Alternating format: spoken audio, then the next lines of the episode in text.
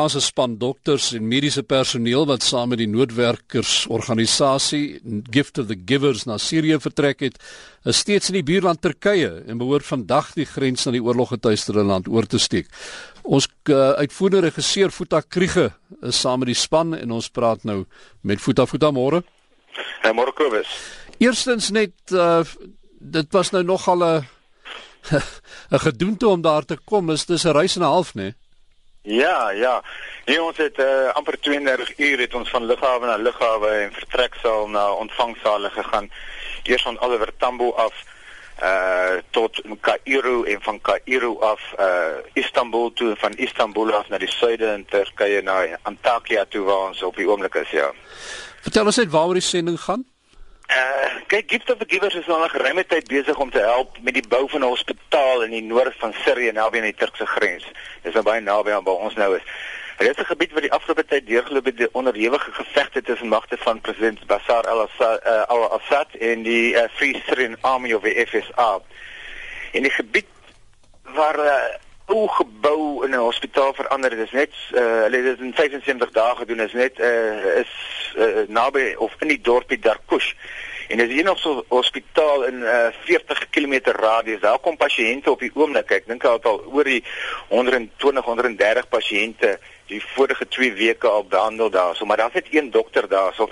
En hulle kom van so, selfs so ver as 100 km uh Nou wat ek verneem dit omtrent 10 miljoen rand gekos om die hospitaal op te rig, maar daar's net een dokter en te min toerusting en dis waar die Suid-Afrikaanse span nou inkom. Uh hier so mediese span van 45, daar 16 joernaliste van Suid-Afrika wat saam is en dis een van die grootste sendinge wat die Gift of Givers nog aangepak het.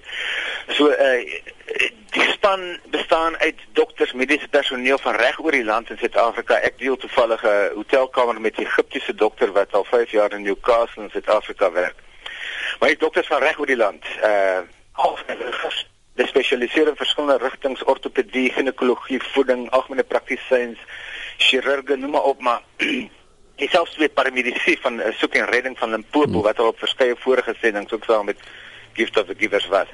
Dan is die teatersusters, die eetkundiges, dokters wat spesialiseer in trauma, wonde ensovoorts ensovoorts. Nou blykbaar is die hospitaal waar ons heen gaan, het twee teaters of dis die hospitaal wat nou opgerig is. Hy het twee teaters, 'n wakeenheid, apteke, sale, buite pasiënte noodafdeling, alles waarmee 'n gewone hospitaal in Suid-Afrika sou spog. Die probleem hier egter is toerusting.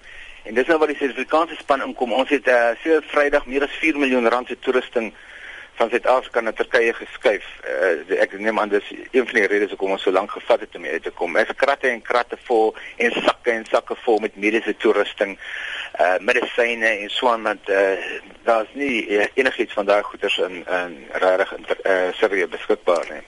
Julle sou nou gister al die grens oorgesteek het. Julle het toe nou nie. Hoekom nie? Uh wat gebeur het ons is uh, gisteroggend vroeg, waar ons het nou omtrent 3 ure geslaap want ons het letterlik uh terse tyd hierso seker uh half 3 half 4 hier aangekom by die uh by die hotel waar ons uh afgepak het so 'n paar uur slaap gekry. Toe ons oor in busse vol met al die toerusting en al die sakke is ons na 'n uh, klein plekie naby die grens en daar het ons nou gewag die die al die dokters en die mediese personeel moes nou eers geakkrediteer word en dan moes fotootjies van hulle geneem word en so aan om oor die grens te gaan.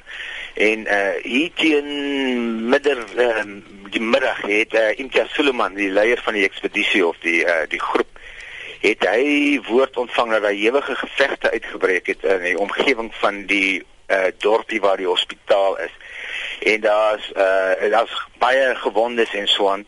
En ehm um, hy het onmiddellik die groep bymekaar geroep en hulle gesê hoor hierso, uh ons moet besluit gaan ons oor of gaan ons nie. Sy gevoel was ons moet oorgaan maar hy uh hy het vir enigiemand gesê wat voel dat hulle veiligheid bedreig gaan word nie begaan nie. Hy het gesê dis nog nie te laat om te uit uh te onttrek nie. Jy kan nie agterbly tot dit beter word. Maar as ek so na die gesigte van die dokters en die uh mense daar gekyk het, die span gekyk, was hulle almal baie gretig om oor te gaan want dis natuurlik om hulle hier is om om mense te te help. En daar was baie gewondes en so aan wat ek dink die baie van hulle is hierdie Turkse grens oorgebring en die ander is na die hospitaal toe, maar uh ons hoop om dan nou vandag deur te kan gaan en en te kan gaan help daarso. So dit is nou uh, wat vandag vir julle voorlê as julle nou besluit om oor te gaan, wat lê vir julle voor? Wel ons uh, ry oor so 'n uur of 2 ry ons nou weer grense en dan gaan ons in kleiner groepies deur beweeg. Uh want die groep is baie groot. Dit is omtrent 66, 64, 63 mense. En ehm um, dit daar is 'n probleem met met veral van die Turkse kant af is 'n redelike tamaletjie dat uh hulle wil nie gesien word as as gun, uh, goed gunstig teenoor die uh Free Syrian Army nie. So uh daar is allerlei uh, papierwerk en wat gedoen word en nie gedoen word nie en so aan en dan moet ons nou oor die grens gaan en dan is daar 4 km niemand se land waar ons moet deur beweeg. Hooplik gaan daar uh gaan daar vervoer wees, maar daar is nie baie vervoer in daai kant nie, meestal blykbaar net ambulanses en so aan. So uh, ons gaan hooplik dan in groepies elke uur beweeg en van die toerusting en die uh goed oorvat tot by die hospitaal.